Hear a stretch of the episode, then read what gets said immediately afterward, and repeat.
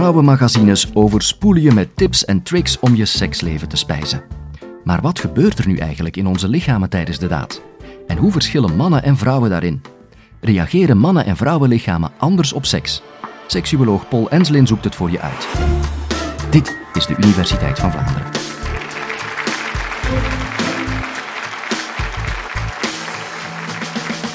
Ik ben vanavond uitgenodigd om jullie iets te komen vertellen over hoe mannen- en vrouwenlichamen reageren op seksualiteit. Dat betekent niet dat ik ervan uitga dat mannen en mannen geen seks met elkaar kunnen hebben en dat vrouwen en vrouwen geen seks met elkaar kunnen hebben. Maar ik wil het met jullie specifiek hebben over hoe dat mannen en vrouwen met elkaar seks kunnen hebben. En ik heb eigenlijk iets bij, ik heb iets uit mijn zak gehaald. En ik zou aan jullie willen vragen, is er iemand die dit herkent? Niemand? Ja? De clitoris. Inderdaad. Eén op 25 weet dat de clitoris groter is dan dat ene kleine puntje dat we zien aan de buitenkant. Daarover wil ik vandaag toch nog een paar dingen vertellen.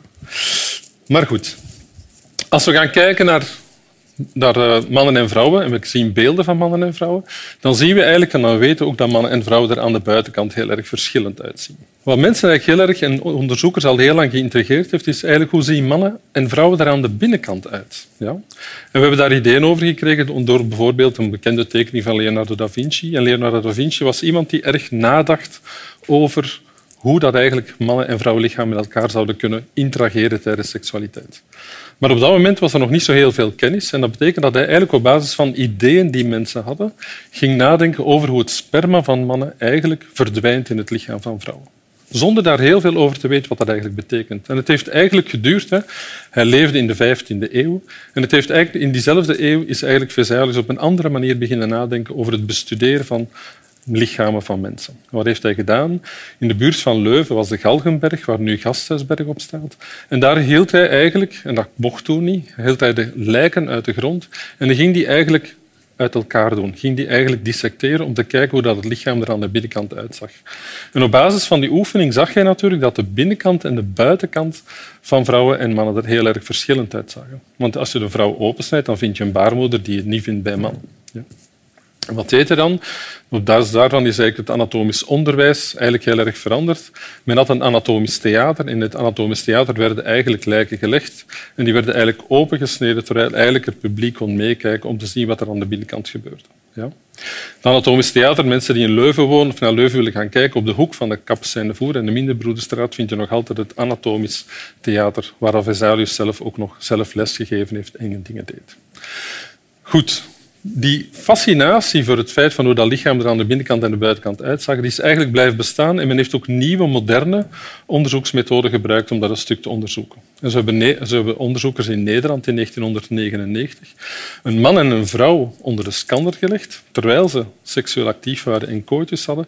En daar heeft deze fantastische beelden opgeleverd die je achter mij kan zien. En dan zie je dat eigenlijk de penis op een gekromde wijze helemaal de vagina binnen gaat en uiteindelijk de kop van de penis eindigt daar bij de baarmoederhals. Ja? En dat is eigenlijk niet zo moeilijk om dat te veronderstellen, want die anatomische afstemming heeft ook te maken natuurlijk met vruchtbaarheid, zodoende dat spermacellen en eicellen dichter en sneller bij elkaar zouden kunnen geraken.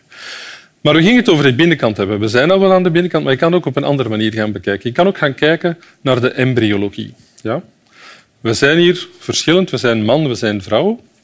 En de embryologie die toont eigenlijk in zekere zin dat we oorspronkelijk de eerste zes weken dat we eigenlijk gewoon mannen en vrouwen dat we ongedifferentieerd waren. Het is pas op basis van het feit dat er Y-chromosomen zijn. En dat zijn Y-chromosomen die maken dat eigenlijk je in mannelijke richting gaat evolueren. En XX-chromosomen die gaan zorgen dat je in vrouwelijke richting gaat reageren.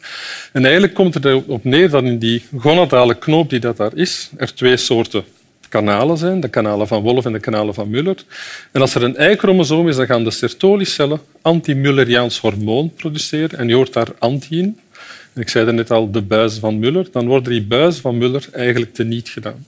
Ten voordele van de buizen van Wolff. En op die manier wordt er eigenlijk een man gevormd. En als je kijkt naar wat er met een man gebeurt, dan krijg je ten gevolge van die ontwikkeling, verdere ontwikkeling van testes, zaadleider en een aantal andere structuren die bij mannen horen. Wanneer de anti-Mulleriaans hormoon er niet is, dan krijg je eigenlijk de kanalen van Muller de volledige mogelijkheid om zich helemaal te ontwikkelen. En dan krijg je aan de binnenkant een aantal elementen die verwijzen naar de eierstokken, de eileider, de baarmoeder en een klein deel van de vagina dat van daaruit gemaakt wordt. Als we verder kijken in de ontwikkeling, dan komen we eigenlijk uit bij de genitale knop. En die genitale knop die zorgt er eigenlijk voor, en hier zie je dat ook mooi op de tekening, dat eigenlijk aan de linkerkant en de rechterkant er eigenlijk blijkbaar, als je van op afstand kijkt, dat er heel erg gelijkaardig uitziet. Dat ziet er gelijkaardig uit. En toch komt er tegelijkertijd altijd een heel klein stukje terug. Wat is het klein stukje dat terugkomt? Dat is dat er elke keer gesproken wordt van een glans. Ja, en die glans die is heel erg duidelijk zichtbaar bij man. Dat is de eikel van de penis. En die glans is ook zichtbaar in het kleine knopje wat eigenlijk zichtbaar is van de clitoris. En de rest van de clitoris, wat ik jullie liet zien, dat zit eigenlijk verbonden aan de binnenkant. En ik kom daar later nog een stuk op terug. Goed, als we vandaar gaan kijken, dan zeggen we, goed, we kennen de buitenkant, we kennen de binnenkant. En dan komen we eigenlijk tot een soort van probleem waar wij als onderzoekers mee geconfronteerd worden. Want we weten nu dat dat aan de buitenkant eruit ziet, aan de binnenkant eruit ziet. Maar dat betekent nog niet dat we goed weten hoe dat die anatomie eigenlijk werkt. Ja? En daarvoor zou ik misschien aan jullie willen vragen of jullie mij zouden willen helpen in dit soort van onderzoek. Ja? En dat gaat als volgt, want dat wisten jullie niet, maar jullie zijn eigenlijk een deel van een klein experiment. Ik kom binnen drie weken kom ik terug een college geven en dan word ik jullie gevraagd om terug te komen. En in de tussentijd zou ik aan jullie willen vragen om samen met jouw partner seks te hebben. Dat kan geen moeilijke opdracht zijn voor de mensen die een partner hebben. Ja, en zelfs als je alleen ze mogen ook seks hebben met jezelf. Wat ik aan jullie vraag is, wanneer je seksueel actief bent met je partner of alleen, of je dan heel erg zou willen focussen en willen nadenken op wat je allemaal voelt tijdens het vrije in je lichaam en wat je allemaal denkt tijdens het vrije in het lichaam. En dat je dat eigenlijk tegen de volgende keer binnen drie weken aan mij komt vertellen en dat ik dat aan jullie kan vragen. Wie denkt dat dat goede seks gaat opleveren? Ik zie heel veel mensen nee knikken. Ja. En hoe komt dat? Dat komt heel vaak omdat we het gevoel hebben, als we op die manier met seks bezig zijn, dan zijn er te veel dingen die ons afleiden. Ja? En dat is moeilijk, want met Francis Bacon hebben we gezegd, wetenschap bestaat op basis van het feit dat we kunnen observeren. En de observaties die leiden ons tot een zeker idee over de waarheid. Ja? Maar als ik aan jullie vraag, wel, help mij, observeer zelf, dan zeggen jullie, nee, ga niet lukken bij seks. Oké, goed. Dan heb ik een ander voorstel. Jullie hebben seks en ik kom kijken. Wie denkt dat dat goed gaat, uh, dat dat goed gaat oplossen? Ja? Geen mensen met enige exhibitionistische in deze zaal?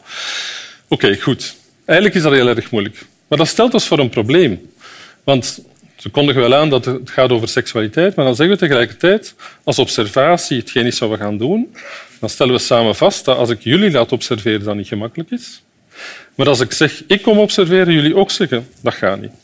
En dat betekent dat we eigenlijk vragen kunnen stellen over wat kunnen we eigenlijk wel weten over seksualiteit. Of als we op een of andere manier over seksualiteit dingen weten, dat er ook altijd iets is wat ontglipt aan onze mogelijkheden om seksualiteit heel goed te begrijpen. Maar goed, de seksologie is een wetenschap zoals de wiskunde. En eigenlijk zijn er natuurlijk een aantal onderzoekers mij voorgegaan om seksonderzoek te doen. En dan komen we terecht bij een heel belangrijk onderzoeker, dat was Kinsey. Kinsey leefde in de jaren 30 40 in Amerika. En die ging als eerste met een groot onderzoek aan de slag. En die ging aan meer dan 16.000 mensen. Ja. En daarvan deed hij de helft alleen, dus 8.000 mensen. Ging hij interviews afnemen. En op basis van interviews kom je een aantal dingen te weten over seksualiteit. Hoe vaak hebt u seks? Met wie hebt u seks? Wanneer hebt u seks? Ja. Vindt u dat leuk? Hebt u wel eens seks met rare voorwerpen in de buurt? Dat zijn allemaal vragen die gesteld worden. En in die zin is dat ook iets wat we kennen. Dat is het gemakkelijkste seksonderzoek dat er is. We vinden ook tijdschriften die elke week opnieuw een nieuwe seksenquête organiseren. En dat we eigenlijk geleerd van Kinsey. Kinsey leerde ons dat we op een of andere manier door vragen te stellen over seksualiteit een natuurlijk fenomeen van de mensheid eigenlijk een stuk in kaart kunnen brengen op basis van wetenschappelijk onderzoek. Maar er waren twee mensen die verder gingen. Master Johnson. En Master Johnson was eigenlijk een gynaecoloog en een sociale wetenschapper. En die zeiden, we weten nu wel veel over die buitenkant en we weten nu misschien wel veel over wat mensen zeggen dat ze doen, maar we begrijpen nog altijd niet heel erg goed hoe de anatomie van seks eigenlijk in zekere zin werkt. In tegenstelling tot jullie vonden zij wel mensen die bereid waren om naar een laboratorium te komen, om in het laboratorium seks te hebben, terwijl ze verbonden waren met een heleboel meetinstrumenten die psychofysiologische karakteristieken van seksualiteit meten terwijl mensen seks hebben. Mensen die gevrijd, als gevrijd hebben, zullen weten dat hun hartslag omhoog gaat. Die weten ook dat hun ademhaling versnelt. Die weten niet, maar dat kunnen we wel meten, dat de bloeddruk heel erg stijgt. En op die manier krijg je eigenlijk verschillende fysiologische processen. En zij hebben die fysiologische processen voor ons eigenlijk voor een groot deel in kaart gebracht. En dat heeft geleid tot een bepaald idee dat heel erg centraal staat in ons denken over seksualiteit, waarbij de fysiologie er aan de grondslag ligt, eigenlijk iets te maken heeft met vasocongestie aan de ene kant en myotonie. Dat zijn de enige twee moeilijke woorden die ik voor jullie meegebracht heb deze avond. Vasocongestie betekent niet meer dan dat er eigenlijk een verhoogde doorbloeding is van de genitale regio. Ja? En dat is niet moeilijk om te bedenken.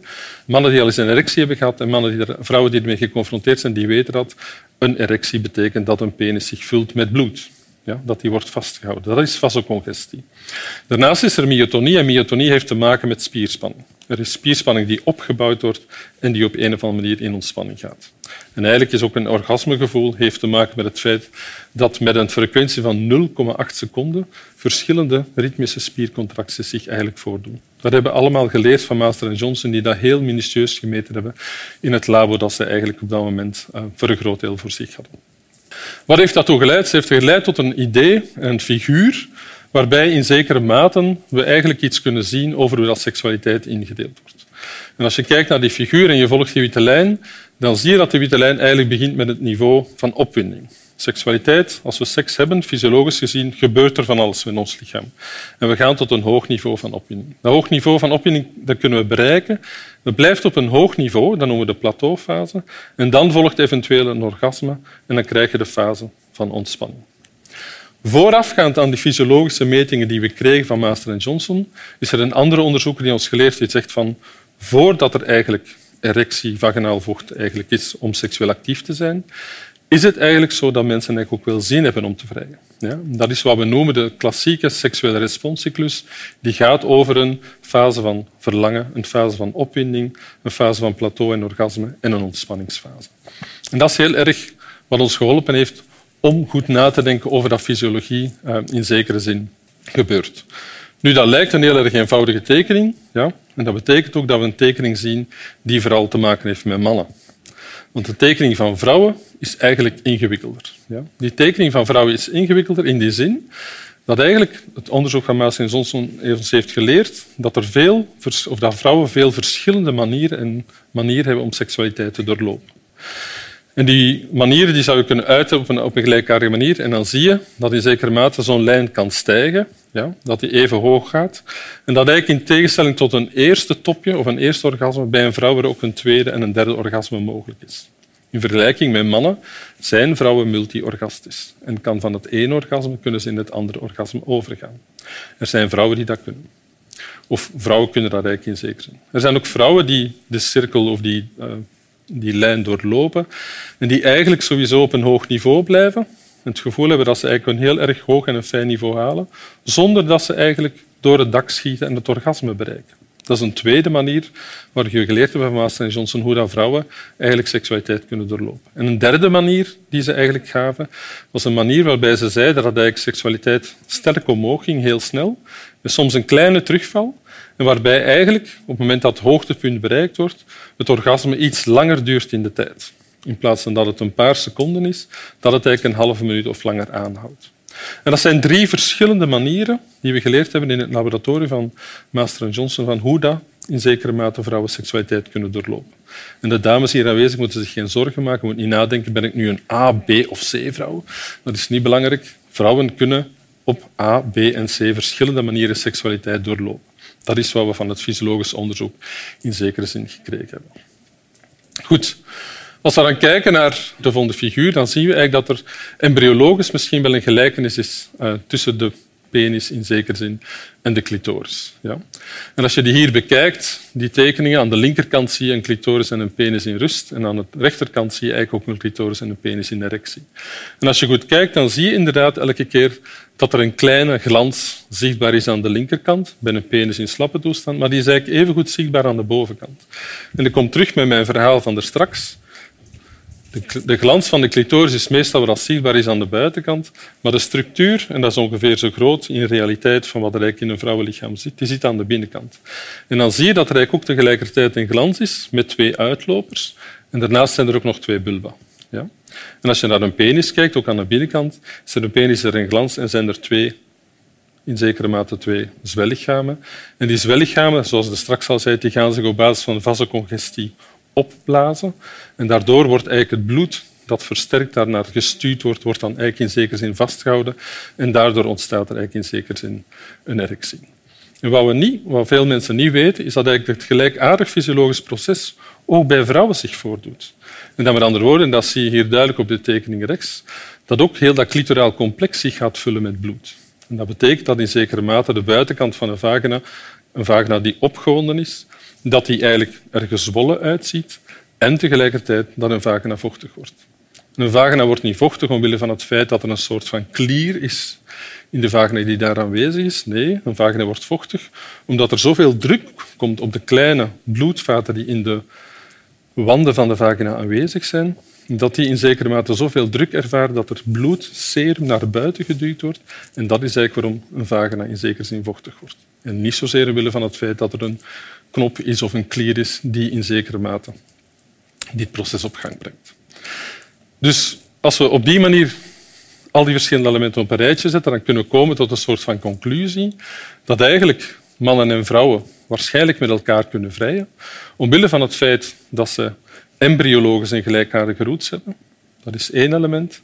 Ten tweede dat in functie van de voortplanting de natuur slim geweest is en dat ze anatomisch op elkaar afgestemd zijn, zodoende dat eicellen en zaadcellen dichter bij elkaar kunnen gebracht worden. Maar vooral dat er een proces is van vasocongestie, namelijk een sterke doorbloeding, die maakt dat inderdaad een erectie kan ontstaan, een vagina vochtig kan worden en dat er op die manier een bepaalde vorm van seksualiteit kan gerealiseerd worden. En op die manier is het eigenlijk zo dat mannen en vrouwen met elkaar kunnen vrijen, maar we weten ook tegelijkertijd dat de doorlooptijd van vrouwen en mannen misschien wel verschillend kan zijn aan de ene kant, dat die processen en het vrijen misschien op een andere manier worden geëvalueerd en op een andere manier worden beleefd. En die beleving en die verschillen in beleving, dat heeft ook veel te maken met een culturele invloed die er is op seksualiteit. Maar als we het over cultuur en seksualiteit hebben, dat is een ander college en dat zal veel langer duren dan die paar minuten die ik nu gekregen heb. Dank u wel. Uiteraard heb je nu zin om nog een podcast te beluisteren van Universiteit van Vlaanderen. Nooit meer een episode missen? Abonneer je dan.